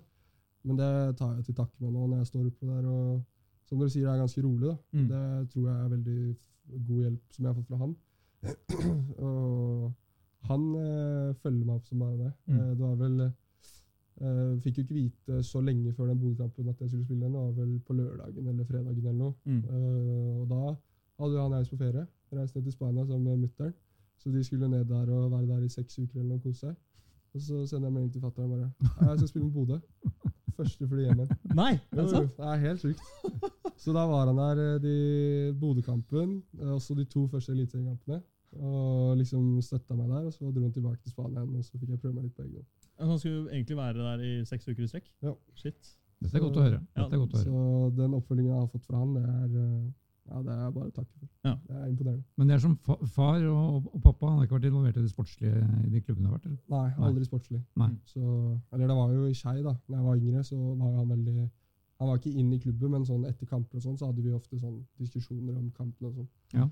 Ikke at de alltid gikk like bra, men uh, hadde i hvert fall de pratene. Men var det bare han som dro hjem, eller mora di også? Nei, mamma ble litt fan Ja. Ja. Men hun følger med, hun også. Ja, riktig. Det Ja. Det er viktig å få med det også. Mm. Men er han uh, egentlig Skeid-fan, da? Eller? Uh, det vet jeg ikke egentlig. Uh, han er vel Han er jo fra Torshov, Ja. så han spilte jo Han har vel spilt i de fleste klubbene som er oppe på Nordre Aker. og Spilt i Skeid, spilt i Kjelsås, spilt i Årvoll, spilt i Korsvoll. Og, Mm. Så han har vel spilt i de fleste klubbene han var litt yngre. Så Ja. jeg tror ikke han holder noe fast med et lag, eh, egentlig. Vålerenga nå, kanskje? Ja. Ja. Der nå er det Vålerenga. Hei på deg. Her på meg. Ja. Ja. Det kan vi slå fast. Nei, altså Når du var på grusbanen på Korsvoll, er- hvordan far var han sånn under kampene? Var han sånn som ropte og skreik og var veldig, eh, veldig på under kampen, eller var det mer sånn at han tok alt med deg eh, etterpå? Han tok alt med meg etterpå, heldigvis. Ja. Det hadde vært- ganske slitsomt å høre han eh, stå og rope der. Det finnes jo noen sånne fotballfedre. ja. Ja. så moren min er nok mer den typen. Ja. Ja. Så hun, når vi har spilt andredivisjon og sånn, når det har vært ganske stille på stadion, så har det vært hun som har ropt høyt. og Når jeg har vært involvert i noen situasjoner, så er jeg bare! Så det er litt moro, da. Ja, det er moro. Det, er ikke, det, blir ikke, det bikker ikke over til flaut noen gang. Nei, jeg syns ikke det. Nei. Det at de følger meg såpass bra, det setter jeg veldig stor pris på. Ja, det er bra. Det kan aldri bli for mye av det. Ja. Engasjement er viktig. Åssen har overgangen vært fra den bra Magnus til uh, Østblokka og planen? Nei, Det er en utrolig stor forskjell. da. Mm. Det at man eh, Fordi ja, det er, jo- Jeg vet ikke hvordan jeg skal beskrive det. Det er helt magisk å bare ha det i ryggen. og nå, nå Sist kamp mot uh, HamKam, når jeg gjorde den ene bra redningen første gang, så roper du bare 'vi har keeper', vi har Mm. keeper. og det Å få den støtten og liksom Man får en selvtillit av det òg. Og da får man jo en ro inn i spillet også, når man vet at man har støtten til Mm. de fleste. Så det å spille foran de, det er helt magisk. Hva er via keeper på tysk? da? Uh, Vi har en Eine keeper. Ja. Det blir bra, vet du. Fra den gule veggen der. Ja, jeg tok jo tysk på ungdomsskolen fordi jeg hadde et baktanke om å spille, tysk, eh, spille i Dortmund. Så kan Ja, tysk. det, er, det er godt forberedt. Ja, ja. ja. Dette er bra. Dette er bare noter, Dortmund. Regner med det sitter noen og hører på dette fra Tyskland. De Ja, er det jo var jævlig jo, oppdaterte. Eh, Forrige hjemmekamp her så satt jo speidere fra Borussia Mönchengladbach, i hvert fall. Det var feil Borussia, da, men Ja, det, Og så veit jeg ikke om de så på Magnus eller andre, men, eh, men ja. Ja. Dette er, de følger med, sikkert. Ja, du òg. Jeg òg. Du følger bra med, du òg. Øyne overalt. Ja, godt gjort. Men i og med at han er Oslo-fotballgutt, så kan du bli med når vi skal kjapt gå gjennom Obo- Obos-ligaen. Ja, Hvis du har tid, eh, Magnus? Gjorde da det? Ja, kan bli med på litt, det. Ja.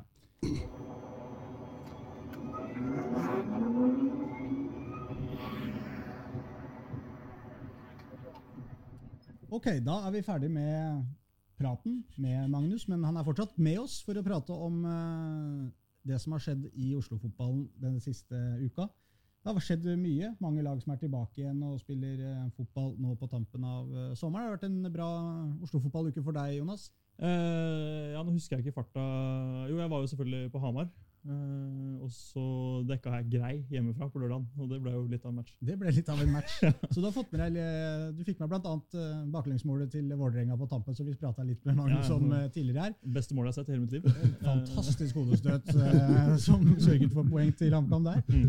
Eh, Reidar, din eh, uke, hvordan har den vært? Den starta da med å se Bryne Grorud på TV, som da hvor historien gjentok seg, selvfølgelig. Igjen. Mm.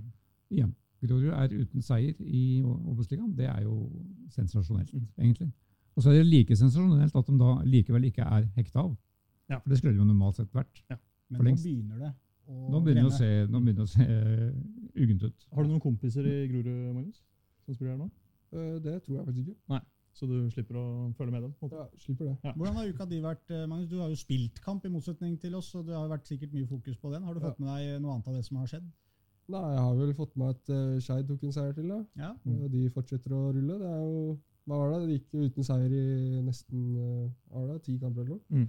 Så det at de har begynt å få litt seire nå, så har de vel holdt ganske nullen også i to-tre kamper eller noe. Ja, jeg tror det. tre på rad nå. På rad. Ja. Mm. Så det at de også klarer å snu det, er imponerende. Får Mm. håpe at de klarer å fortsette det toget og holde seg oppe. Mm. Vi var jo innom missen til Napoleon. Vi var innom midten til Napoleon hvis dere har hørt på intervjuet først og så har vi snakka om den på overtid. Vi kan jo ta den kampen, starte med den kampen, kanskje, Solli? Ja, du var der, og jeg var der på Ja, jeg var jo også litt der, men det var jo da Det var jo en miss også den kampen her som, som altså Det var jo mistene som egentlig ble snakkisen. Ja. Både den til Romsås og den til Jonny Budesson på, helt på slutten av første omgang. Men han kom helt alene med sin gamle lagkamerat Idar. Og prøvde å runde den. Han prøvde runden. Ja. Han kommer alene og løper hele banehalvdelen alene. Ja. Og du ser at han begynner å tenke og tenke og tenke. Og ikke, Du er jo målvakt. sånn Hvis du kommer opp mot en spiss som du har spilt med Mm. tidligere, hvem er, føler man at man har litt overtak som keeper da? Er det fordel å være målvakt i de situasjonene? Ja, jeg tror det er en stor fordel. Fordi da er man kjent med mønsteret til den spissen. Så, men samtidig så har jo spissen også kontroll på mønsteret til keeperen, da, så det kan jo gå begge veier. Men jeg føler at til syvende og sist så er det noen keeperen som går ut vinnende av de fleste situasjonene. Ja, for Det virker som Budesson i den situasjonen begynner å tenke veldig mye. Ja. Og begynner å tenke på faktisk at det er en keeper han kjenner godt. Og så Mm. begynner han å gjøre seg vurderinger sikkert på hva er det han er dårlig på, hvordan skal jeg ikke avsløre hva jeg gjør. Og så ender han jo egentlig opp med å øh, prøve å runde, men det er ikke noe rykk eller noen ting. Det skjer ingenting når han skal runde keeperen. Han bare svinger rundt, på en måte, og Idar er ganske god på akkurat det type keeperarbeid. Én mot én er han jo veldig god på, og følger spillere som prøver å gå rundt den. Og det er en god involvering av Idar, det skal vi inn, men det er et eh, svakt forsøk av, uh, av Buduso nå. Men Jonny fikk to målgivende med seg i denne kampen, da. Det Ja skal eh, nevnes. Og for seg var det viktigst at de vant denne greia. 2-0 over Åsane. etter at De, de leda, leda vel 2-0 i bortekampen mot dem òg, for så å tape 3-2. Ja. Hvor da nettopp Idar var vel Åsanes og banens beste spiller, Mm. Ja. som hindra det. Og et kunstgress dagen etterpå som så veldig bra ut. Ja, eh, på Ja. Nordre Åsen, ja. Ja, Nordre Det er sjukt, faktisk. Ja, De Ja, det har jeg fått med meg. sa vel i forrige sending at nå er det ikke noe problem lenger på Nordre Åsen. Jeg tror vi skal revers, reversere den post, påstanden. Nei, det er sjukt. Og Ja, det er- det er en um, Ja. Men hva tenker du om det, Magnus? Det, altså dette korkgreiene og den diskusjonen som går med disse banene? Ja, vi spilte jo mot uh, Brumunddal. De Mm. hadde vel eh, KORK, tror jeg. Ok? Uh, og det funka fint, det, når vi spilte, liksom. Men uh, det er jo som vi ser når det kommer regnvær og da går det jo så vidt an å spille fotball på det dagen etterpå. Så den løsningen funker kanskje ikke så bra som de politikerne håper på. da. Nei, det kan man Trygt si. man trygt si. Så, men at det må finnes en annen løsning der, det er det ingen tvil om. For problemet der også, en ting var jo For de som ikke eventuelt har fått med seg dette her, det, det, denne korken har samla seg opp da inne i garderoben, og det ble oversvømmelse og gjørmebad mer eller mindre inne på, inne på garderobe, garderoben på Nordre Åsen. I tillegg så la jo eh, Daniel Strand, daglig leder her, ut en film som viste en gutter 16-kamp. Jeg vet ikke om du så den? eh, Nei, den sa jeg ikke. Mm. hvor, eh, hvor, som viser hvor elendig ballen triller. Den stopper i korken hele tida. Ja. Fordi at Problemet er at når det regner mye, så flyter denne korken opp. ikke sant? Gummien blir jo liggende nede. Korken flyter opp, og så samler det seg litt sånne hauger med kork rundt omkring på banen, og så stopper ballen i rett og slett korken på, på matta. Så det er på en måte ikke bare problemet med det der, at det tetner til, men det, det blir rett og slett går utover fotballspillet til slutt her også. Ja, det er utrolig trist. Så det at de må finne en annen løsning på det, håper jeg de gjør ganske fort. Mm. For Skeid har vel ikke vært så heldig med banen opp igjennom. Det er jo ganske mye problemer der, så håper at de skal få en bra løsning eh, nå snart, som eh, ja, vi får en ordentlig bane. Men neste kamp går vi på et underlag som funker. Grorud. Det er Grorud-Skeid på mandag. Ja. Og det er jo en, igjen en nøkkelkamp for særlig for Grorud. da. Ja, altså, nå, nå, kan vi snart, nå kan vi snart hekte dem av hvis de ikke, ikke vinner. nå. Jeg sa jo før, de hadde, før den rekka de hadde nå på fire kamper, hvor de skulle ha Kongsvinger, Bryne, eh, Skeid nå. Hvem var den første de hadde? Det var også et av, Blink, selvfølgelig. Blink, ja. De fire Mm. kampene der sa jeg at de måtte ha fem poeng på. Mm. Og nå står de med null. For, og de har én igjen, så de har ikke muligheter til å komme seg på de fem. Men det er allikevel absolutt siste halmstrå nå. Hvis Mm. de skal ha noen mulighet, så må de slå Skeid på mandag hjemme. Hvis de ikke gjør det, så er det jo ikke Da sender Håkon Thon ned i Da sender jeg dem ned. Mm. Ja. Det er litt som tilsier at de klarer det da, mot Skeid. Skal vi- Ja. Hvis vi skal være ærlig. Jo, jo da, det kan du si. Eh, Ja. Men det er lite som tilsier at Grorud skal vinne en eneste fotballkamp. Ja, hvis man ser er på statistikken eh, Ja. nå. Men eh, Mm. bortsett fra at de stadig spiller helt ok kamper, for vi kan jo trille over til, eh, til Jæren. Til Jæren. Bryne. Ja, er vi, er vi på Sørlandet igjen? Nei, vi er på Vestlandet. Ja, Ja, nei, altså der var jo, der var jo Grorud klart best, igjen, det som det ofte har vært, i en time i den kampen. Skapte jo sjanser, men skårer ikke. Og Mm. da endte det med et, et ganske svakt Bryne-lag, som jeg tror kanskje er laget som, de, som er mulig å ta igjen her. Mm. Skårte på sin første målsjanse selvfølgelig, etter pause, og fikk inn 2-1 som de var best på slutten, så de vant egentlig fortjent. Mm. Men Grodi kunne avgjort den kampen før pause. Ja, de leder jo 1-0 til pause også. Ja. Og Og I pausen kan jeg få skyte inn en litt morsom ting der. Jeg har satt og så dette på TV. Pausen er morsom. Pa pausen er alltid morsomt, fordi at i, i førstedivisjon i hvert fall, så er det ikke noe Hvis du har på kampen, så er det ikke noe reklamepause eller noe sånt. Da bare ligger lyden fra stadion ute. ikke sant? Ja, Og da kommer det en kar på indre bane på, på Bryne stadion der, og begynner å skal dele ut ø, farse. Farse. Farse. Ja. Kjøttfarse. Som hun skulle kaste opp på tribunen med noen T-skjorter og noe greier. var fersk farse.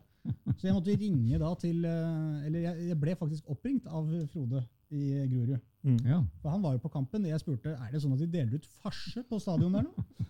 Og da ringte han meg opp igjen og sa det kan jeg bekrefte. De deler ut farse her nå. og jeg liker det så godt når på en måte klubber lever opp til stereotypen sin. Dette har jeg vært inne på før. Bryne deler ut farse i pausen. Syns jeg er helt riktig. Det er sånn skal være. Ja. Mm. Det snudde matchen for dem. Det snudde matchen. Uh, det var én ting til. Jo, uh, det er jo noen som da spekulerte i går kveld da Erik Kjøne fikk sparken i Stabæk, at han skal inn og hjelpe Grorud i innspurten. Men vi snakket jo da med Kjøna i, i går kveld. Mm.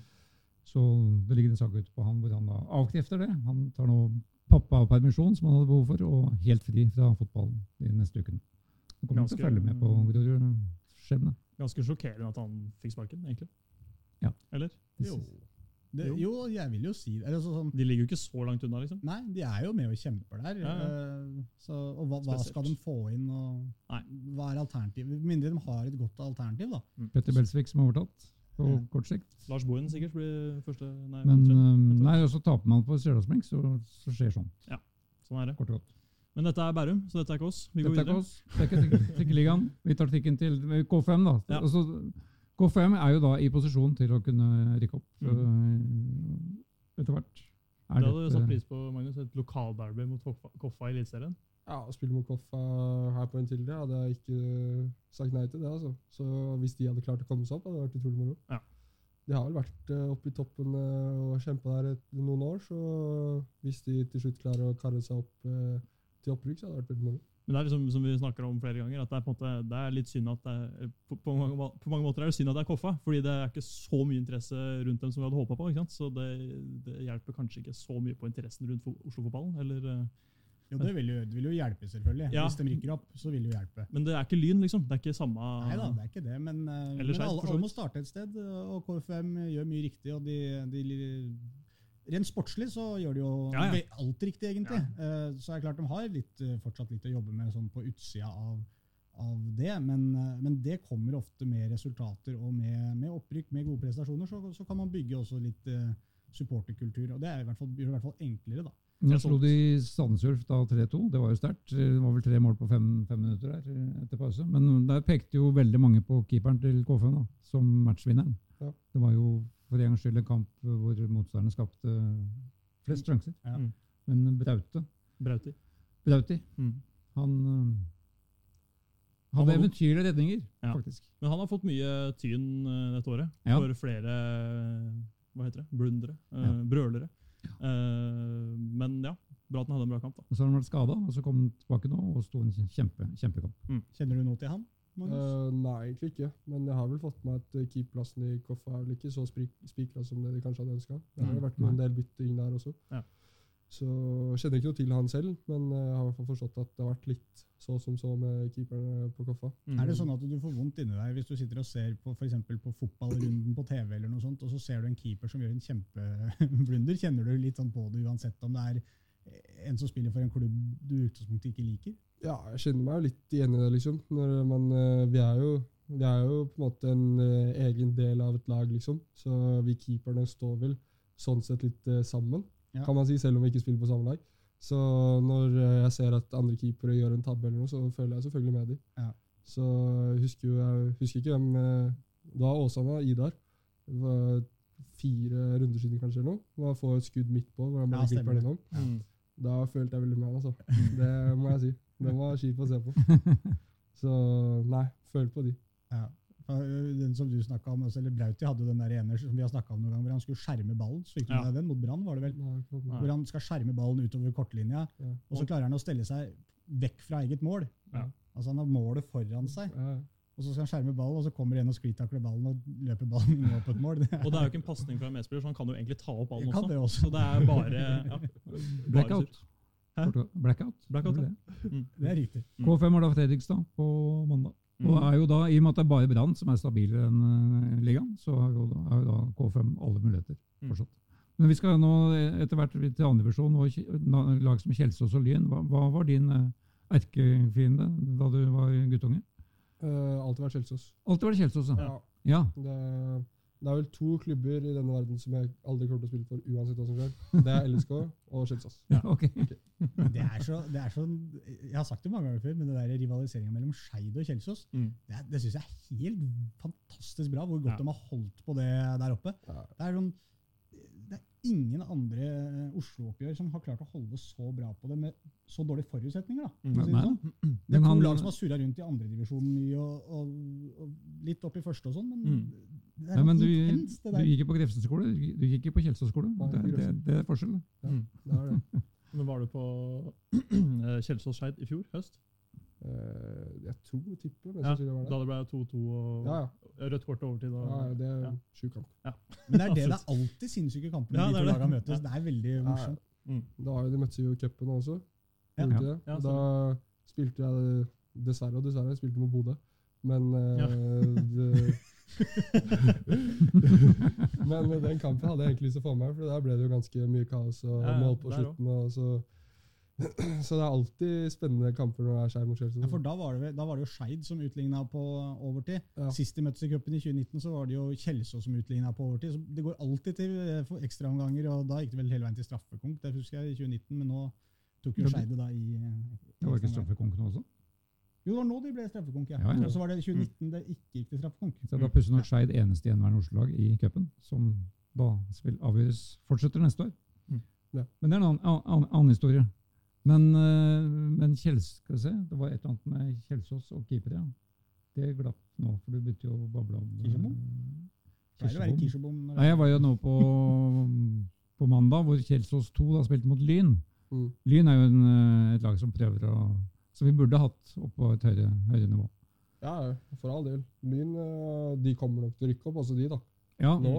De herjer ganske godt nede i tredje divisjon nå. Så- ja ikke så veldig godt. da. Nå tapte de med De spilte bare 2-2 mot uh, Kjelsås andrelag. Ah, de gjorde det, ja. Mm. Eh, og så vant Nordstrand i går, så da er det bare tre poeng som skiller igjen mellom Nordstrand og Lyn. Nei, for jeg prata med det med en eh, faktisk i familien. Uh, var Ja. på slektstreff uh, nå forrige helg, og han var tydeligvis veldig lynsupporter. Okay. Ok, Så han hadde sagt at gjengangeren var at de starter sesongen veldig bra og holder det gående, men helt på slutten av sesongen så glipper det som oftest. Ja. Så kanskje er det det som skjer igjen i år. Vi får se. Ja, for de har jo, de har jo, Er det ikke det vi har snakka flere ganger, at de har Nordstrand Er det siste? Nest- nest siste. Nest siste. Ja.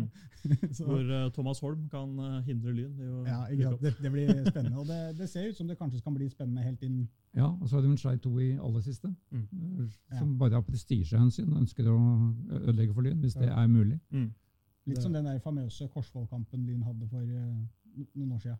Ja, ja. Men uh, der var jeg jo tilfeldigvis, jeg husker jo den ennå. Og nå møter vi Grei, som har da samme keeperen som Korsvoll hadde den gangen. Oi.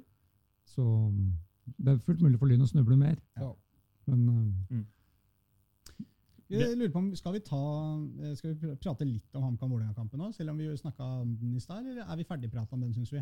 Eh, vi kan eh, for all del det, men du begynner jo å få litt dårlig tid? ikke? Jo, jeg må kanskje gå Ja, det er akkurat det. Så vi kan eventuelt gjøre det uten Magnus. Så Ja. kan Magnus få lov til å gå. Hvis ikke du har lyst til å si noe om kampen? Eh, bittert. Ja. Og Ja. har uavgjort, rett og slett. Det er ikke så mye mer å si enn det. Ellers fornøyd? Ja. ja. Men Trom Tromsø på søndag er neste for dere. Ja. Mm. Så da er du de neste dagene inn i analysen om hvem som eventuelt tar straffesparkene for Tromsø. Det blir spennende å se. Ja. Så hvis det blir straffe, så redder jeg. Nemlig. Veldig bra. Godt å høre.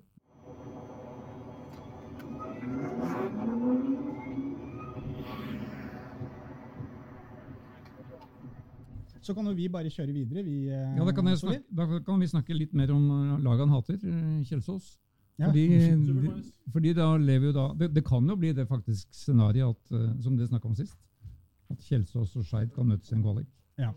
Men, men det er jo litt hva heter det, for noe? Prematurt ennå. Ja.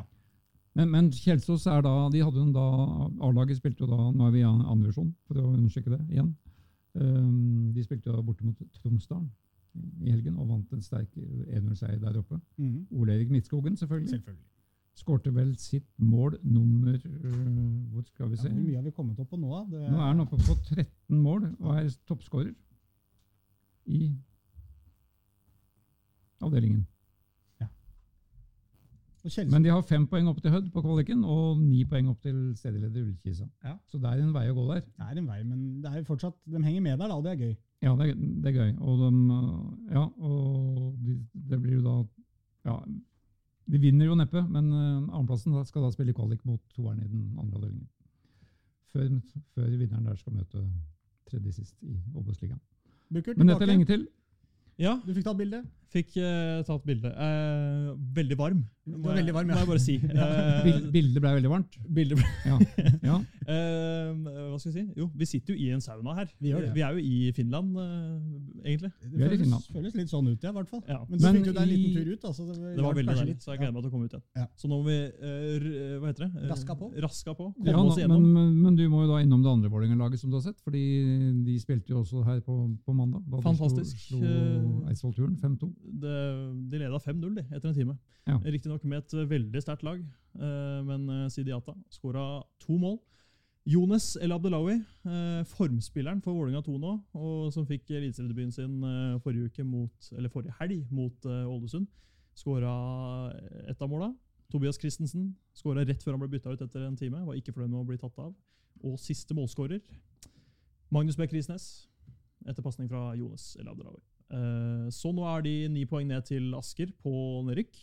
Så det lover godt for uh, Vålerengas rekrutter, som eh, ser ut til å holde plassen. Det er ferdig med å gjøre jobben nok en gang, de. Ja, det er det. Men, eh, og de hadde PK i mål. Bråtveit. Ja, hvordan var den? Hæ? Hvordan var den?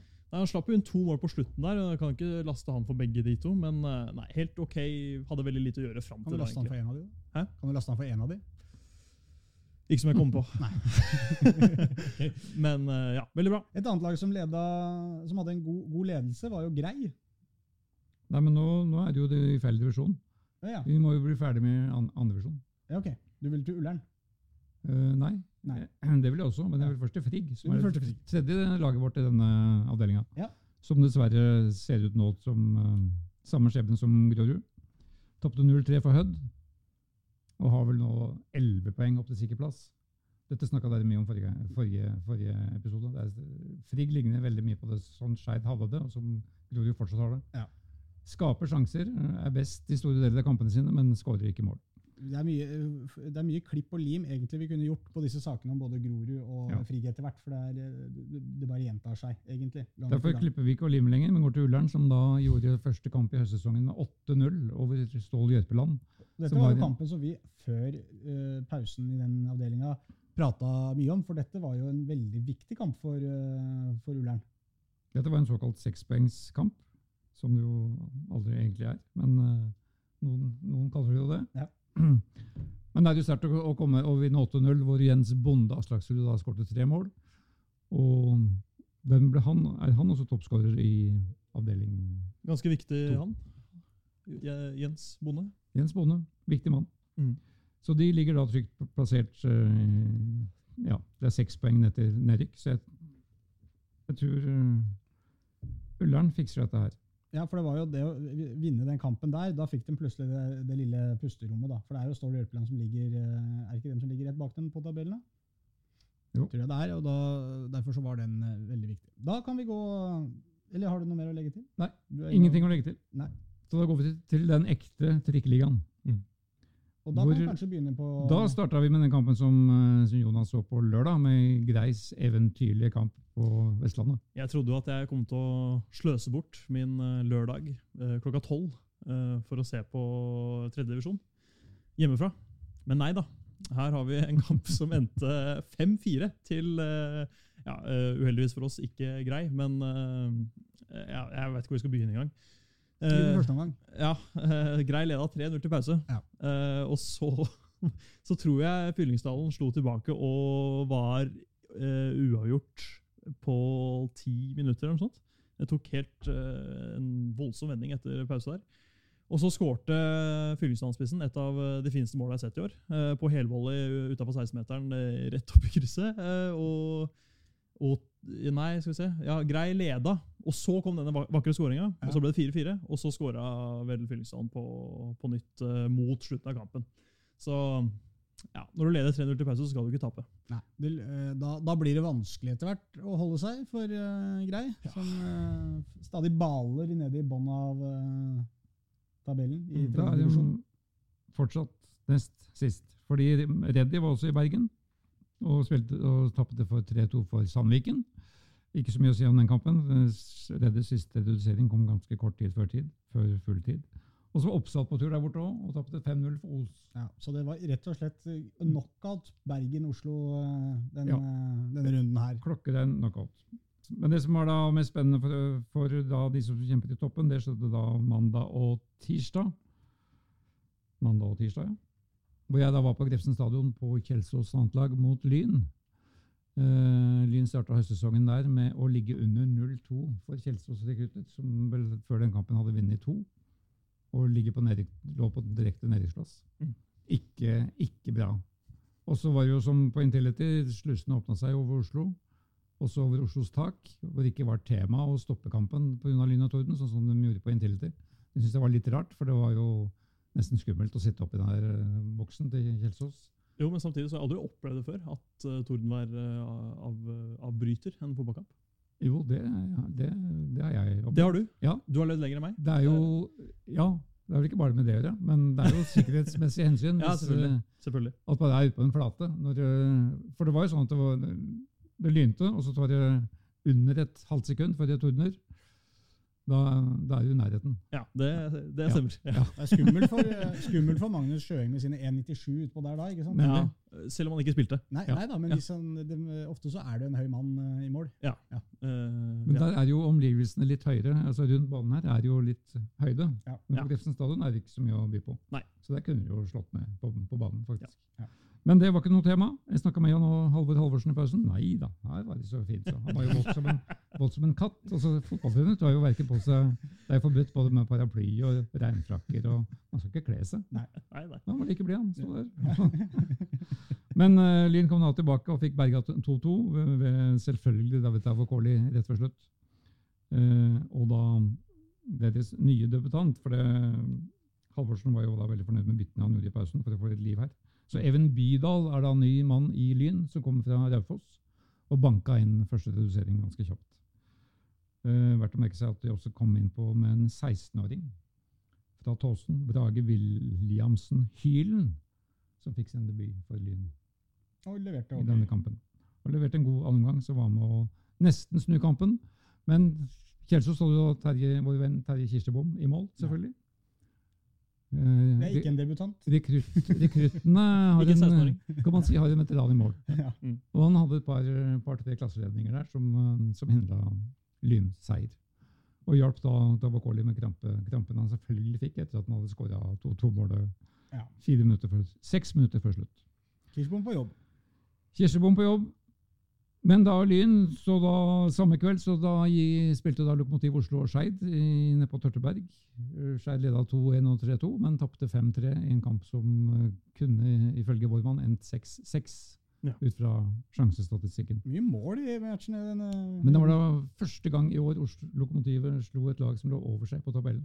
Og, Så det syns de var veldig stas. og første gang Skeid 2 taper i år. Ja. Utrolig nok. Det måtte skje til slutt. Det måtte det. Ja. Og da var spørsmålet eh, før, før tirsdagen om Nordstrand skulle kappe inn på dette forspranget til Lyn. Med seier så ville Nordstrand bare være tre poeng bak, og det gjorde de. De slo Groruds annet lag 4-2. Med mm, en morsom forestilling og masse, masse mål igjen. da. Ja. På hva det heter det? Niffen, er det den banen heter? Ja, det er vel det man ofte kaller. Niffen er jo hallen, da. På Ja. en måte. NIF-banen. Sikkert. Nordstrand. Nordstrand kunsthus. Sikkert.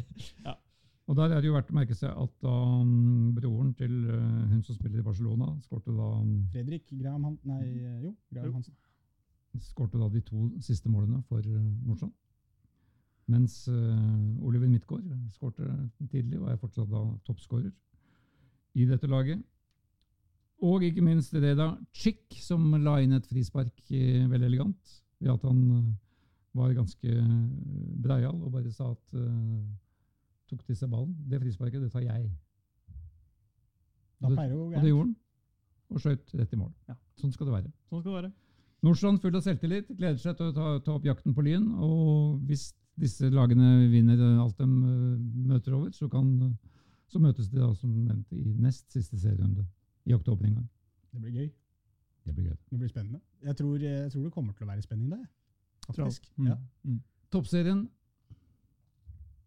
er inne i sin dramatiske avslutning. Det er den. ja. Jonas, du slipper ikke unna. Må ut i, holde ut i badstua. Jeg svetter i hjel, men det går fint. Vålinga, tilbake til Vålinga. Ja. Eh, enkelt 3-0-seier borte mot Avaldsnes. Eh, hvor eh, Karin Men det kom seint, disse måla. Ja, åssen var det? Eh, Olaug Tveten eh, skårte rundens mål eh, etter mine øyne i første gang. Eh, Sørga for 1-0-ledelse. Og så eh, ja, tok det litt tid før nummer to kom, eh, kanskje, Reidar. Eh, som Ja. vel var Elise Thorsnes på straffespark. Eh, før eh, Camilla eh, Hjelp meg nå. Eh, Huseby. Huseby, ja. Yeah. ja flott. flott. Eh, som skåret sitt første mål på omtrent fire år.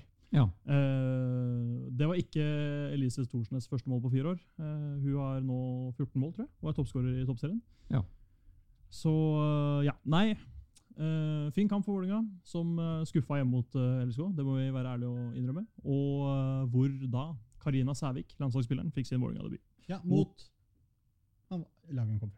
Helt riktig. Yes! Sammen med Olaug Tveten, som er tidligere Avaldsnes-spiller, hun også, som skårte der. Men den store dramatikken her er jo da denne berømmelige fjerdeplassen, som um, Stabæk har nå, men som Lyn fortsatt kan nå, selv om de spilte bare 1-1 mot Arna Bjørnar på Kringsjå denne helgen. En meget skuffende forestilling, og vår tidligere podkastgjest Tom Stenvold, som hevder fortsatt at de overhodet ikke bryr seg om tabellen.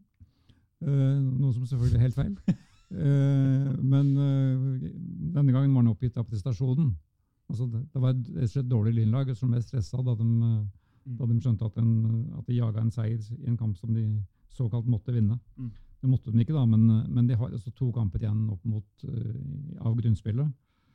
De ligger bare ett poeng bak Stabæk, og de har én kamp mer igjen. Men de to kampene er da mot Vålerenga og Rosenborg. Så det er ikke det enkleste. Men det var da um, Kristin Holmen som skårte Lyns enemål, og Lyn presenterte en ny keeper i kapteinens skadefravær. Så Sandra Rød Ask fikk da sin debut i, i Lynmålet. Men det er da Vålerenga-Lyn her på Intility på, på lørdag, så det blir jo noen, en, da skal det være litt festivitas med ekstra VIF-dag og Ja, det er offisiell Vålerenga-dag på Vallefeltet, tror jeg. Riktig. Eh, hvor eh, hele idrettsforeningen samles før Vålerenga-Lyn. Det er bra. Da kan det komme litt eh, folk her, da. Absolutt. Jeg tror til og med det er gratis inngang for de som deltar på arrangementet. Ikke sant? Så her er det bare å møte møte Hva opp. kan man håpe på da, av uh, tilskuere? Hvor mange? Ja. Nei, hva, hva tenker du, Reidar? Hvis, eh, hvis det er fullt opplegg her? Ambisiøst på 1000, eller? Ja. ja. Er det det? Det er det. Okay. Ja. Dessverre så er det det. Vi det får håpe de når den magiske grensa. Ja, 500. Realistisk. Nei, okay. da, Bastionen må jo da, bør jo da mobilisere litt, når dette lyn, lynlaget faktisk har muligheten til å gå inn i dette sluttspillet. Ta med pyro og alt som er. For da Lyn har jo tø- tøff uke. Alt skal avgjøres. De har Vålerenga borte, som sagt, og så er den Kolbotn borte i cupen i, i neste uke. Som kommer da før avslutningen på Kringsjå mot Rosenborg. Gøy. Dramatisk, Håkon. Ja, det, det, og du følger dette her tett, selvfølgelig. ja, ja. ja, Lyn har jo absolutt muligheten til å kjøre et lite cupløp der også, Ja, ja. Mm. De setter, kan sette klubbrekord i cupen. hvis de slår Kolbotn. Flere klubbrekorder kan nås. Slås. I framtiden. I fremtiden. Denne sesongen. Siste nytt om Røa? Vålerenga nå vi, nå er vi ferdige, gutter. Okay. Eh, Røa, Røa tapte igjen, men de lader da bare opp til dette sluttspillet. For nå, nå er jo de likt. Om en, om en drøy uke så er Røa likt med alle de lagene de skal møte igjen. Ja. For alle er på null poeng. Ja. Så de bare gleder seg. Ja. Mm. Men det var- det var greit å få nevnt det. syns vi må nevne det. Ja, Absolutt. Vil du legge til noe? Er det, det, Ja, vi må jo ha noen siste nyheter herfra når vi først er her. Hva er det siste? For jeg ser bare Jørn har lagt aller ferskeste. Noe, aller ferskeste er at Minimessig likevel ikke går til Vålerenga. Ali Almos Save kommer ikke til Vålerenga. Nei, og ikke Var det han het, ja? Det var det han het. Det var minimessig. Det var minimessig. Dans, dansken som var snakk om. Jo, men Ali Almosave er dansken. Ja, akkurat. Da Mm. fikk jeg mye nye opplysninger på, på en gang her. Det er det aller ferskeste. Ja. Trenger ikke å gå på nettet når du har booker i sofaen. Bare Nei, han. nemlig. Problemet er at uh, vi ikke sender live, da. Selvfølgelig. Men Men det hvis det er, er en nyhet om at han ikke kommer, så er det ikke så farlig. Nei. Jeg tror det var det, gutter. Nå skal vi ut og lufte lokkene litt i uh, sommerværet i Oslo, for her inne orker vi ikke å sitte mer, rett og slett. det er sikkert like varmt uta, utafor. Det kan hende. Ja. Det er Har vi, sagt, har vi sagt at vi er på Vålerenga Studio på Intility Arena? Nei, Ja, det har vi sagt. Det har vi sagt. Jeg Jeg tror det. vi har sagt det. Jeg regner med det. Er det gutter? Veldig hyggelig, som alltid. Vi eh, takker for eh, denne gangen. Gå inn på dagsavisen.no, les eh, alt som kommer av. Der får du det nyeste og ferskeste hele tida. Slipper du å vente om Oslo-fotballen. Eller trikkeligaen.no, som det også går an å bruke. Og du finner oss på Twitter, og finner oss sikkert på Facebook òg, tror jeg. Vi er overalt. Søk oss opp og snakk med oss hvis dere ønsker gjester eller vil sende inn eh, spørsmål. Lokalfotballen Oslo heter den vel Facebook-sida. Det er riktig. runda 1000, 1000 medlemmer nå. Yes. Men det er en Trikkeligaen-side også. Ja. Det er det også. Men ikke en gruppe. Nei. Ok, Jonas har fått nok, soli. Solli. Da pakker Ja. vi sammen også. Det Ha det vi bra.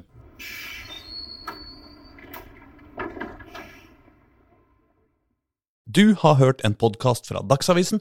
Ansvarlig redaktør heter Andreas Heen Haaland Karlsen.